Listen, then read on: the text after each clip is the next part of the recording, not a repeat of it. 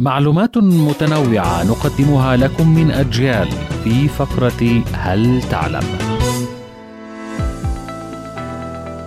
الشفاه الممتدة لشعب المرسي إحدى قبائل إثيوبيا تدعى الشعب المرسي لديها اعتقاد عزيز المستمع بأن الأنثى التي تطيل شفتاها تبدو أكثر جمالا لذا يعلمون بناتهم على هذه العادة فكلما كبرت الشفاه زاد مهر الفتاة.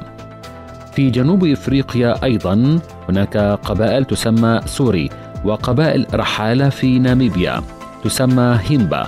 تقوم باستخدام أقراص الشفاه إلى جانب نوع من أكسيد الرصاص والدهون على الجلد ليبدو شديد الإحمرار ولكي يحميه من الشمس كما أنهم يعتبرونه علامة للتميز والجمال.